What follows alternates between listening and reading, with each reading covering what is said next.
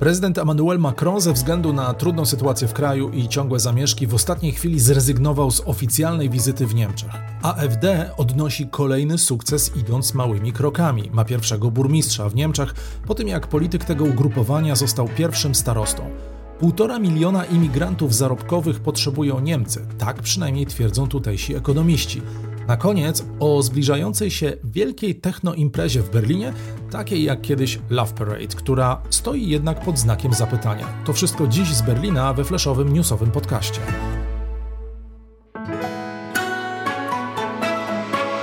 Plus 49 News. Zaprasza Tomasz Lejman, korespondent telewizji Polsat i portalu Interia w Niemczech.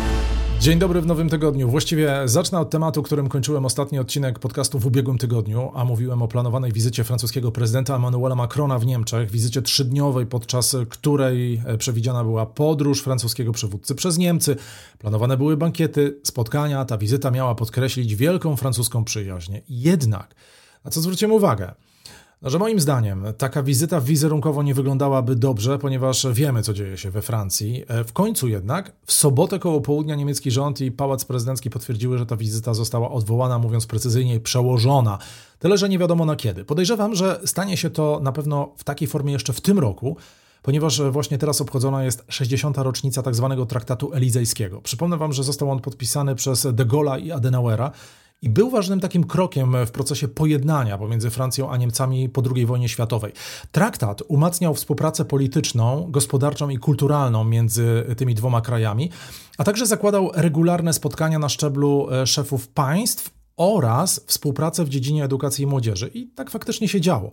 W tym roku odbyły się uroczyste e, francusko-niemieckie konsultacje międzyrządowe pod Paryżem, a wizyta Macrona w Berlinie miała być takim niemieckim akcentem rocznicowym tego wydarzenia.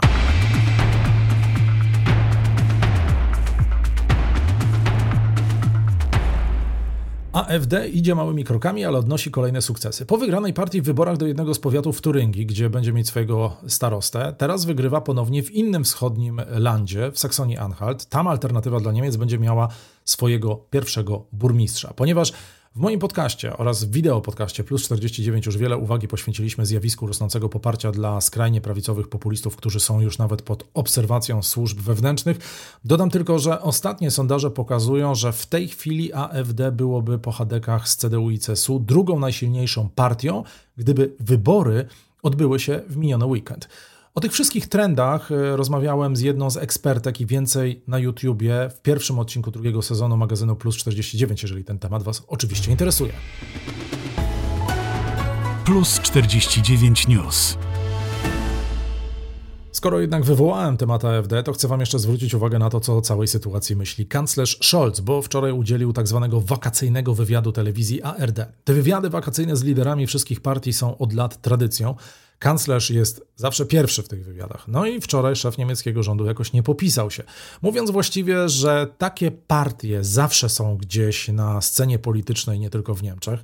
Prawicowych populistów nazwał przy okazji partią złych nastrojów, ale jakoś nie odpowiedział na pytanie, w jaki sposób można populistom zabrać pole do popisu.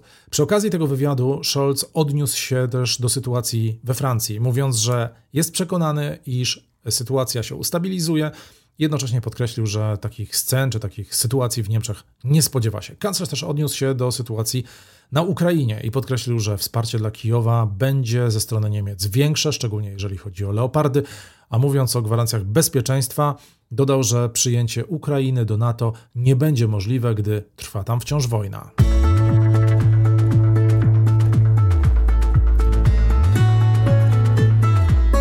Aby Niemcy utrzymali liczbę wykwalifikowanych pracowników na stałym poziomie, potrzebują około 1,5 miliona migrantów rocznie. To opinia Moniki Schnitzer, która przewodniczy niemieckiej Radzie Ekspertów Ekonomicznych, a ta z kolei doradza niemieckiemu rządowi. Według ekonomistki nowe prawo dotyczące wykwalifikowanych pracowników, o tym prawie zaraz powiem, jest krokiem we właściwym kierunku, ale potrzebne są również inne inicjatywy, takie jak urzędy dla obcokrajowców, które nie zachęcają imigrantów do tego, by przyjeżdżali do pracy do Niemiec, bo procedury przyznawania kart pobytu ciągną się w Niemczech czasami latami ze względu na przeciążone urzędy, które właśnie wydają takie pozwolenia. Ekspertka zaznaczyła również, że nie każda praca wymaga od zagranicznych wykwalifikowanych pracowników znajomości języka niemieckiego i właściwie e, to powinno zadbać się o to, by pracownicy urzędów do spraw obcokrajowców znali język angielski, a no z tym jest faktycznie słabo. Przypomnę Wam tylko, że prawie dwa tygodnie temu większość koalicji rządowej przegłosowała w niemieckim parlamencie, czyli w Bundestagu, ustawę o imigracji wykwalifikowanych pracowników, która wprowadza nową zasadę opartą na systemie punktowym, czyli takim jak w Kanadzie. Te punkty przyznawane będą za m.in. umiejętności językowe i doświadczenie zawodowe. W przyszłości wiemy też, że specjaliści IT będą również mogli przyjeżdżać do Niemiec bez dyplomu uniwersyteckiego pod warunkiem, że udowodnią posiadanie odpowiednich kwalifikacji. Plus 49 News. Piwo bezalkoholowe podbija serca Niemców. E, oczywiście nie od dziś, ale nie jest to już napój zastępczy, tylko bardzo modny trunek. E, produkcja piwa bezalkoholowego w Niemczech, według danych Niemieckiego Związku Piwowarów, na przestrzeni 15 ostatnich lat podwoiła się i osiągnęła w roku 2022 aż 670 milionów litrów.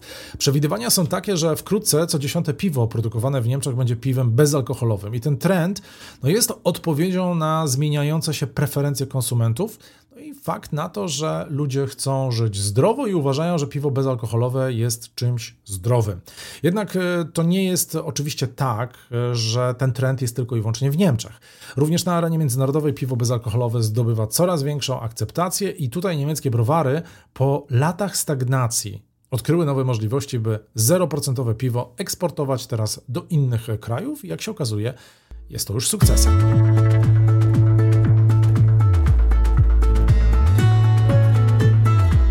Koniec jeszcze o imprezie, która ma się odbyć w najbliższy weekend w Berlinie, ale nagle dziś jakoś ta impreza stanęła pod znakiem zapytania. Pamiętacie Love Parade? Twórca parady Dr. Motte teraz w Berlinie organizuje podobną technoimprezę pod nazwą Rave the Planet, bo nazwy Love Parade używać nie może, gdyż prawa już wiele lat temu sprzedał niemieckiemu biznesmenowi, który doprowadził to wydarzenie do ruiny, przede wszystkim po tragicznym wypadku w 2010 roku w Duisburgu, gdzie w ścisku zginęło 21 osób, a ponad 500 zostało rannych. Ale wracając do Rave the Planet, impreza może zostać odwołana, bo jak twierdzą organizatorzy, służby ratunkowe, służby medyczne nie chcą wesprzeć parady, a takie wsparcie jest konieczne. Organizacja charytatywna Maltańczycy, bo to o nich mowa, ta organizacja twierdzi, że nie było żadnej umowy co do opieki medycznej i żadnego potwierdzenia z ich strony. Z kolei organizatorzy twierdzą, że od pewnego czasu działo się coś dziwnego, bo na forach ratowników e, pojawiały się informacje, że oni nie chcą i nie będą supportować technoimprezy w Berlinie, choć rozmowy na ten temat się ponoć rozpoczęły. No i zrobiło się niezłe zamieszanie. Ja dziś osobiście usłyszałam od organizatorów technoimprezy w Berlinie, że nie stać ich na wynajęcie prywatnej firmy ratownictwa medycznego, bo to nie jest prywatna dyskoteka, na której inicjatorzy zarabiają, tylko forma demonstracji, tak jak to było kiedyś w przypadku Love Parade. Do tematu wrócę w czwartek w wideomagazynie, bo przecież sporo Polaków przyjeżdżało do Berlina na techno demo, no a w tym roku na Rave the Planet y, miało przyjechać aż 300 tysięcy osób. Ode mnie to dziś wszystko. Dziękuję i życzę miłego wieczoru, a my słyszymy się w środę, tradycyjnie pod koniec dnia.